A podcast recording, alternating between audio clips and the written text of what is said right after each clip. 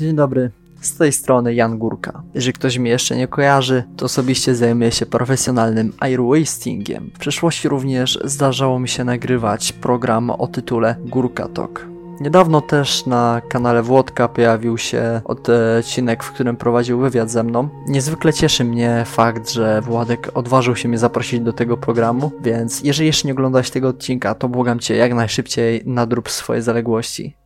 Sylwię Spurek niestety kojarzy każdy. Zazwyczaj z jej dosyć memicznych wypowiedzi, głupawych filmików, wypowiedzi na Facebooku, czy też co gorsza na Twitterze. To właśnie o owych twitterowych wypowiedziach będziemy dzisiaj rozmawiać.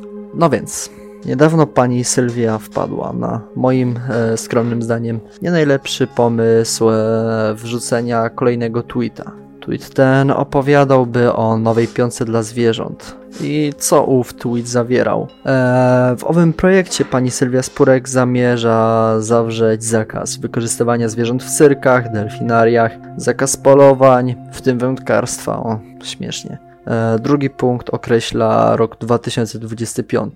Do roku 2025 mieliśmy zakazać otwierania nowych hodowli. Od 2030 roku zakaz badań z wykorzystaniem zwierząt. Czwarty punkt obowiązywałby od 2040 e, roku, czyli 100% zakaz hodowli zwierząt. Domyślam się, że właśnie od owego 2040 roku. Nie jestem pewien tylko, czy to jest cel. Docelowo już miałby być 100% zakaz e, hodowli zwierząt. Czy finalnie w końcu miałoby nie być absolutnie żadnych hodowli zwierząt. Piąty punkt tyczy się teraźniejszości. Przyznam, dosyć ciekawa ta jest ta hierarchia tych punktów. Zaczynamy od najmłodszego i docieramy do najstarszego, po czym znowu wracamy na sam początek.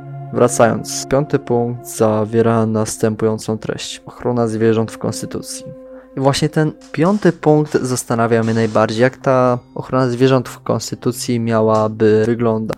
Jeżeli miałbym strzelać, cały ten punkt wyglądałby w ten sposób.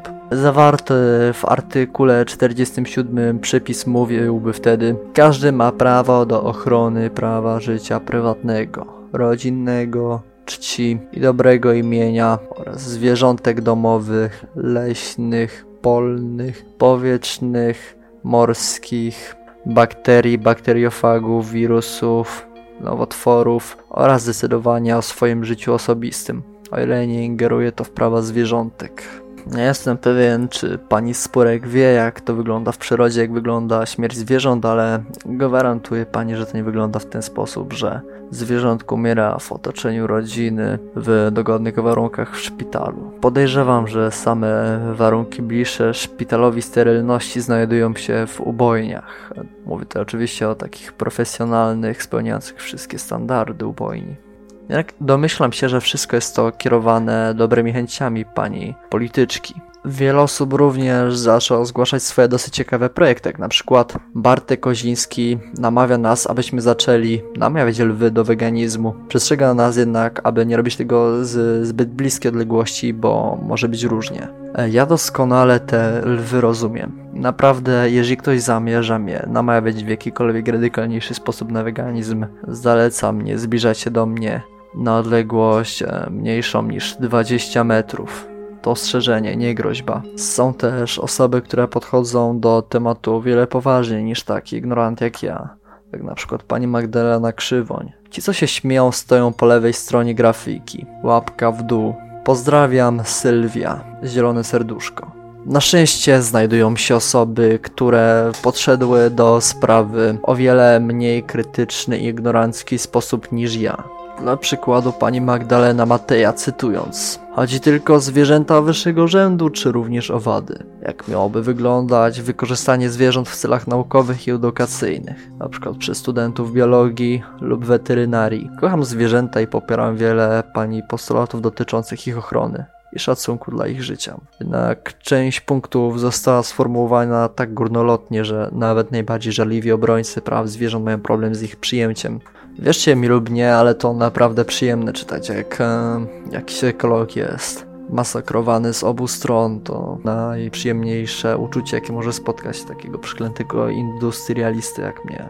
Mamy też niezwykle inteligentne komentarze z prawej strony. Jak na przykład pani Agata Witkowska porównująca panią Sylwię do takiej ekologicznej Kai Godek. Nie mam pojęcia jak to brzmi, ale stwierdzenie, że jest to inteligentne porównanie nie jest w żaden sposób tutaj satyryczne, w 100% szczere. A się z tym zgadzam. Obie panie są dosyć kontrowersyjne. Obie panie są mniej lub bardziej lubiane w swoich środowiskach, natomiast nie są obiektywnie brane za jakikolwiek autorytet. Obie publikują głupie tweety i jest wiele głupowych filmików.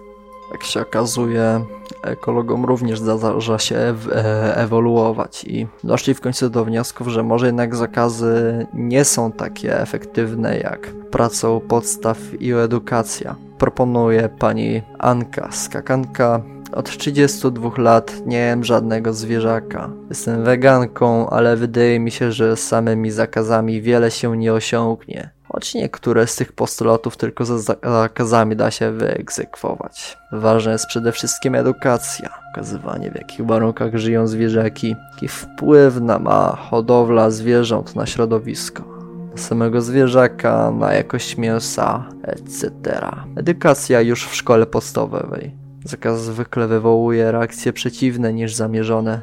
Zresztą pewnie tutaj pod postem pojawią się obraźliwe komentarze pełne szydery etc.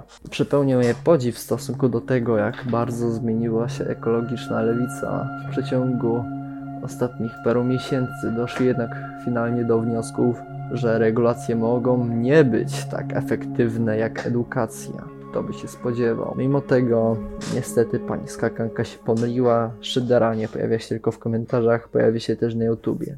Bardzo mi przykro. Nadmienię też, że sam nigdy żadnego zwierzaka nie zjadłem, zjadłem tylko to, co z tych zwierzaków zostało. Tajemnicą pozostaje dla mnie to, jak 32 lata temu pani Anka jadła w całości całe zwierzaki.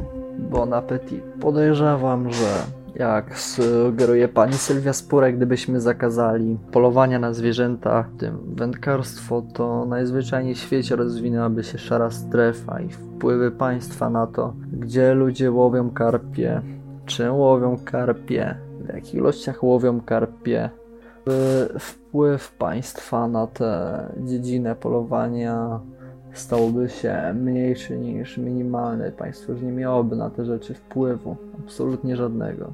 Nie jest to tylko moje gderanie, bo lubię wędkować. Tak było z narkotykami, tak jest z bronią w Meksyku. Jest praktycznie wszystkim, co państwo postanowi całkowicie zakazać, a jest w jakiś sposób zakorzenione w kulturze danego narodu. Zakazami tradycji nie wyplenisz w żaden sposób. Jakby podsumować wszystkie te punkty, to finalnie wpłynęłoby one jedynie na rozszerzenie się szarej strefy i zmniejszenie dochodów państwa z podatków. Jestem też ciekaw, jakie sankcje prawne przewiduje pani Sylwia Spurek za łamanie nowych przepisów. Wydaje mi się, że w miarę obiektywnie przedstawiłem temat. Nie pozostaje mi nic więcej, jak pozostawić cały temat Wam do przedyskutowania, do przemyślenia.